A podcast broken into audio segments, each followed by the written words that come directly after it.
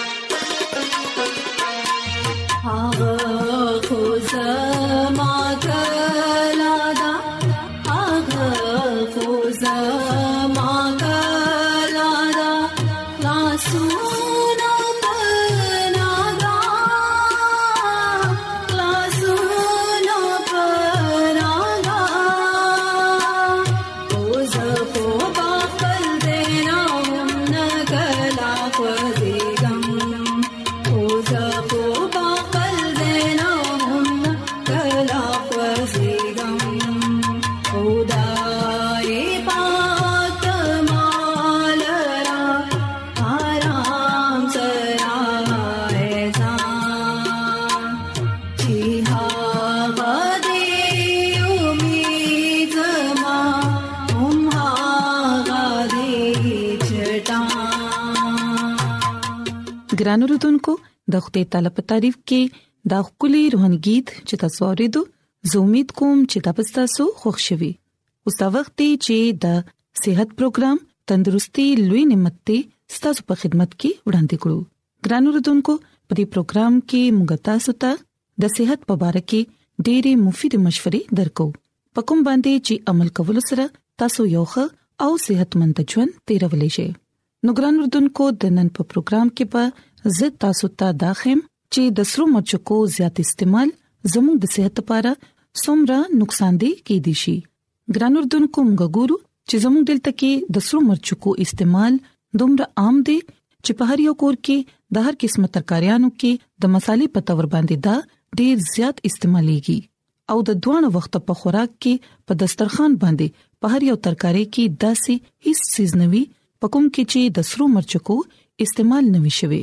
اصل سیز دا دی چې مونږه د سرو مرچکو او د مصالو دومره ادي جوړ شوی یو چې مونږ دا نه پويګو چې زموږ لپاره کوم یو سیز فائدہ ده او کوم یو سیز نقصان دی نو که بیا چرې په زخرو کې به هم زمونږ د جبي خوند وي نو کې دې شي چې مونږ به هغه هم د خړلو نه منی نشو ګران وردونکو په دې سلسله کې نه هم مونږ ته د خپل صحت خیال دی او نه د خپل خزي او د مشمانو د تندرستۍ خیال دی او چې کله ماشوم د سخوراک قابل شي نو موږ دغه په خله کې د مرچکونه ډکن وړې ورکول شروع کړو په شروع کې هم ماشوم خپل خله ورانه کی او د خپل نفرت اظهار وکړي خو مونږه داغي د نفرت نظر انداز کو او پاغي باندې اس پروا نه ساتو او اخر ماشوم د مرچکو خړلو ادي جوړ شي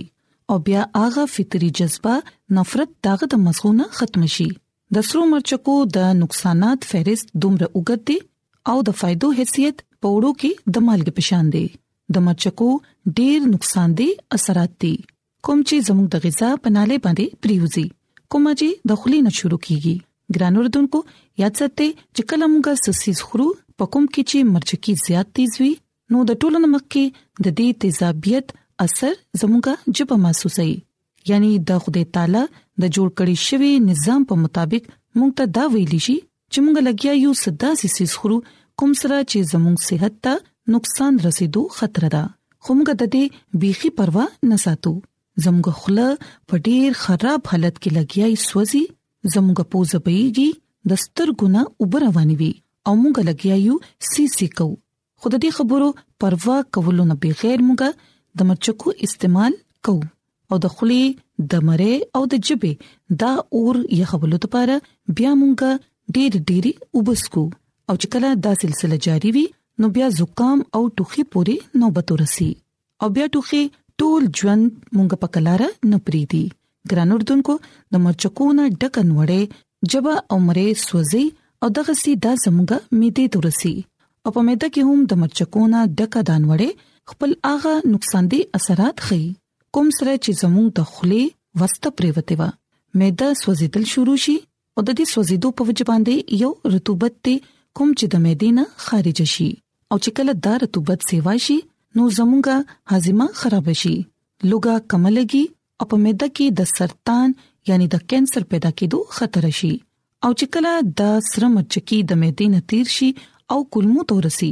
نو التکی هم خپل نقصان دي اثرات خي او د غذا نالي سوځیدل شروع شي او چې کله د مچکو د ګرمي او تیزي په وینه کې جذب شي او دا متاثر شوی وینه سترګو پورې ورسي نو بیا دا خپل خراب اثرات په سترګو باندې هم پریباسي ګران اردوونکو یاد ساتئ چې د مرچکو زیات استعمال زموږ د بدن هر یو اندام متاثر کوي او کچري موږ د مرچکو استعمال به بیا هم نه کمو نو بیا به زموږ سترګې هم کمزوري شي یعنی زموږ نظر به کمزوري شي او د مرچکو نه متاثر شوي د کوینا په زیګر باندې هم اثر اچي د کوم په وجه باندې چې انسان په مختلف بيماريانو کې مبتلا شي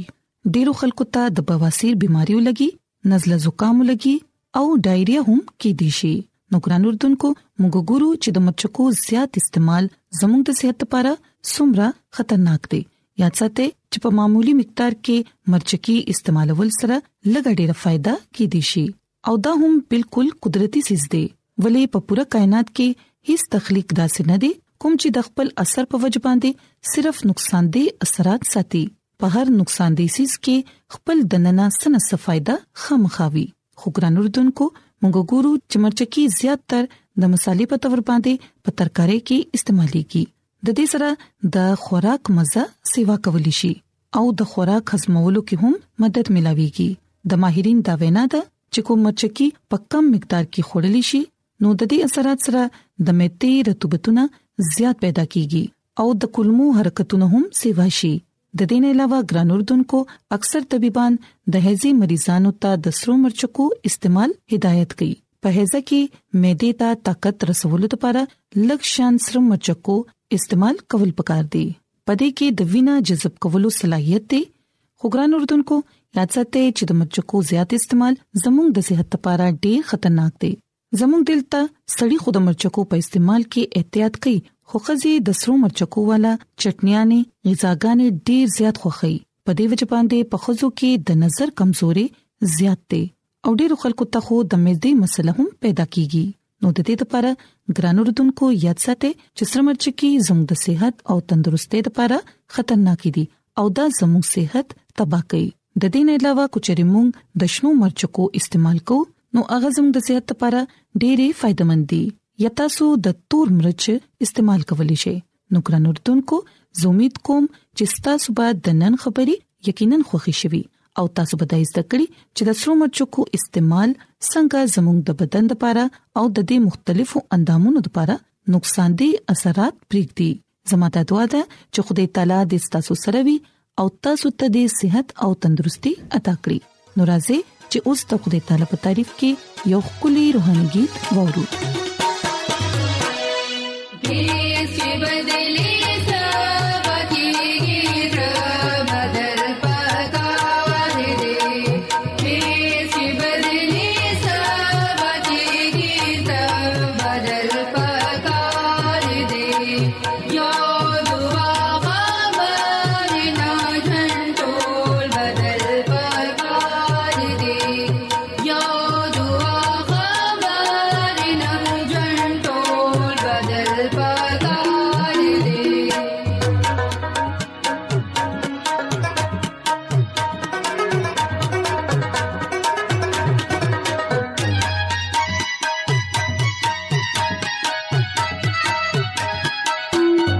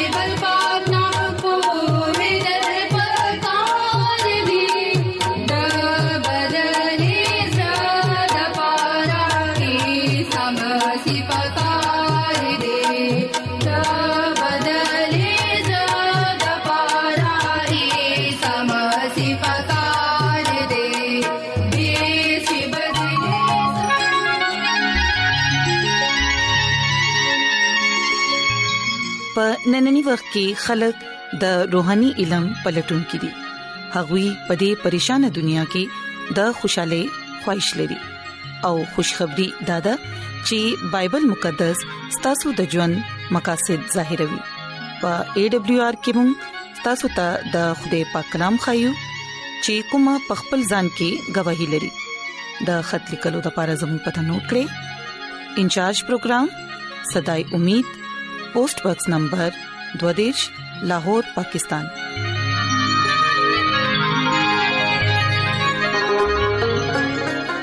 ایمان اورېدو سره پیدا کیږي او اورېدل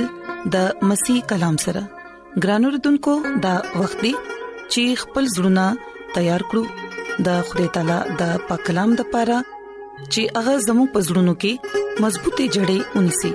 او موږ خپل ځان د هغه د بچاغت لپاره تیار کړو عیسی مسیح په نامه باندې تاسو ته سلام پېښ کوم زدا مسیح خادم جاوید مسیح پاک کلام سره تاسو په خدمت کې حاضر یم راځي خپل ایمان مضبوطه او ترقه د پاره خدای کلام اورو تاسو په مخ کې د بایبل مقدس نه داسې خبره پېښ کوم نن داسې اړتیا تاسو په مخ کې زه اقدم چې عیسی المسی د ځمکه او د اسمان خالق او مالک دی ګران اوردونکو ډیر خلک نږدې عیسی المسی صرف او صرف د دنیا نجات دیندا دی لکه عیسی المسی خالق په تور باندې نه قبولای ګران اوردونکو یاد لره چې کله موږ خپل خالق هغه نه قبولو نو زموږ ایمان نامکمل شي ګران اوردونکو خالق نجات دهنده کې دي شي مونږه د دې خبره شکرګزار یو چې عیسی المسی زمونږه خالق زمونږه نجات دیندا عیسی المسی خالق دی او عیسی المسی زمونږه نجات دیندا دی دغه په وسیله باندې مونږه ژوند اغستې شو او د کثرت ژوند اغستی شو ګران اوریدونکو د بایبل مقدس نوې لوزنامه د پولیس رسول اولنې خط د کرنتیو اتم باب او شپږم آیت کې دلته لیکل دي چې زمونږه مخکې یو خدای دی لکه پلار د چا طرف نه ټول سيزونه پیدا شوی دي او مونږه هغه د پاره او هغه زمونږه خدای تعالی دی دا صرف نه عیسی المسیح په وسیله باندې ټول سيزونه په وجود کې راغلي دي او مونږه هم دغه په وسیله باندې یو پاکرام په ویلو باندې د خدای پاک برکت شي امين پورا دنیا په دې خبره قبول کوي او دا خبره تسلیموي چې یو خدای دی بهشکه په دې دنیا کې ډیر داسې خلکو نه ډک دی چې هغه د خدای تصور بندوبست نه غني خدای عیسی مسیح نه تسلیموي ګران اوردونکو دنیا کې دا سه خلک دي چې کم ایمان نه لوی ایمان قبول کولی شي او هغه خلک کې مونږه هم شامل یو یو خدای دې لکه آسماني باب چې کم طرف نه دا ټول سيزونه پیدا دي د کائنات د دنیا او د دنیا کچې ارس دي ټول سيزونه د خوده طرف نه دي ګران اوردونکو مونږه دغه په وجه یو او هغه دنیا پیدا کړې ده او خوده یو ده لکه عیسی مسیح د چا په وسیله باندې ټول سيزونه موجود دي او مونږه دغه وسیله باندې یو دا یو اهم رښتیا ده دا زموږ په مخ کې پیښ شوې ده خوده یو ده لکه عیسی مسیح او لیکلی دی چې عیسی مسیح په وسیله باندې ټول سيزونه په موجود کې رالو ګران اوردونکو دا خبره رښتیا ده چې عیسی مسیح په وسیله باندې ټول سيزونه موجود دي او ټول سيزونه پیدا شوي دي لکه یوحنا اولنې باب او دغه اولنې آیت نواله د لسم آیت کې لیکل شوی دی د دې حواله کې مونږه ډیر واضح تور باندې دا خبره ګورو چې عیسی مسیح کلمه ده او هغه خدای سره او او عیسی مسیح په ابتدا نه خدای سره او ټول سيزونه دغه په وسیله باندې پیدا شو او چې څو هم دي پیدا شوی دي هغه کې هیڅ شک نه دی چې هغه دغه وسیله باندې پیدا شوی دي دغه بغیر هیڅ پیدا شوی نه دي ګران اوردونکو دلته مونږه د عیسی مسیح ګورو چې هغه زموږ خالق تور باندې پیش شوی دی ولې چې ټول سيزونه هغه پیدا کړی دي او ټول سيزونه دغه په وسیله باندې پیدا شو د دې بغیر یو سيزم پیدا نه دی شوی خدای کلام کې ډیر واضح تور باندې دا ثابت شو چې عیسی مسیح زمونږه خالق دی زمونږه نجات ورکول والا مسیح دی اغا شورو نا ور سراو مونږه ګورو چې عیسی مسیح وای ولسم باب دغه پنځم آیت کې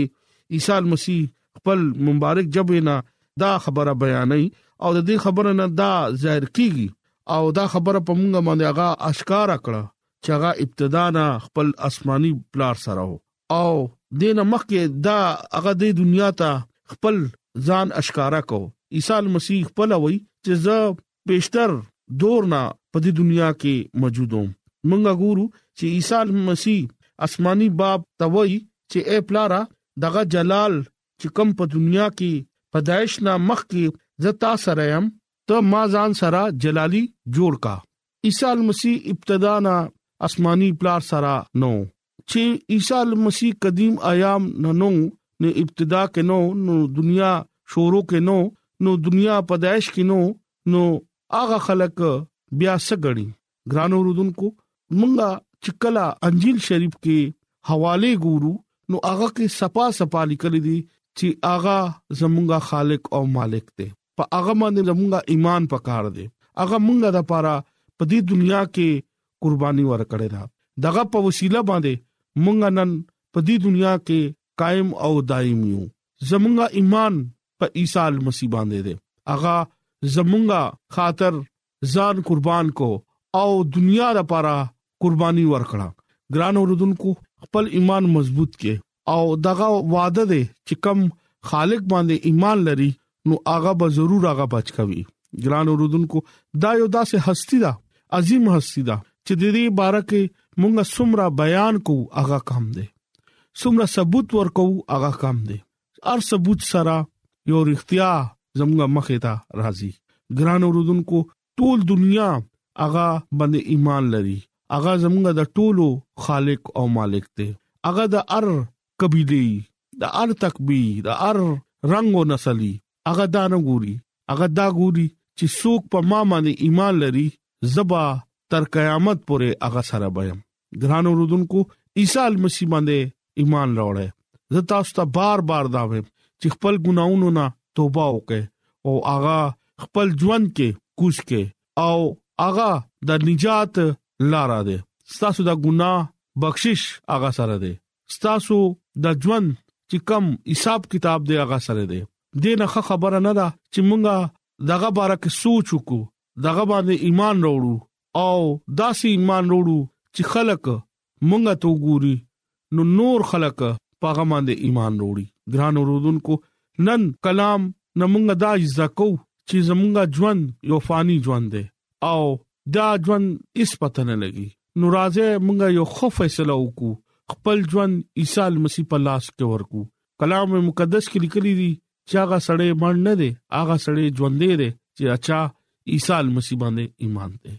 ګران اوردونکو نن دا کلام په وسیله باندې